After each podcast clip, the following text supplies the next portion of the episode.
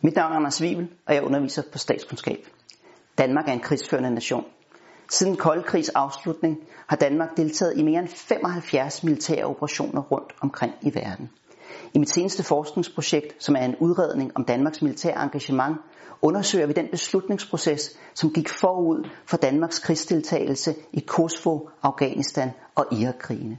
Vi viser, hvordan at danske beslutningstagere var hurtige til at følge USA i alle krigene, ofte uden at have analyseret, om Danmark havde omkostninger eller gevinster ved at deltage.